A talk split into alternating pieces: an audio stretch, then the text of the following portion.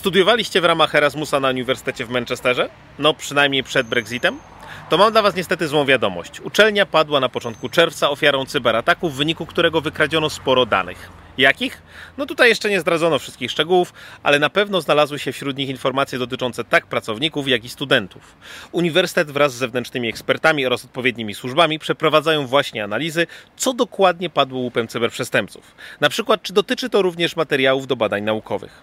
Jeden z portali nieoficjalnie ustalił, że był to atak ransomware, ale na potwierdzenie ze strony uczelni trzeba będzie pewnie jeszcze poczekać.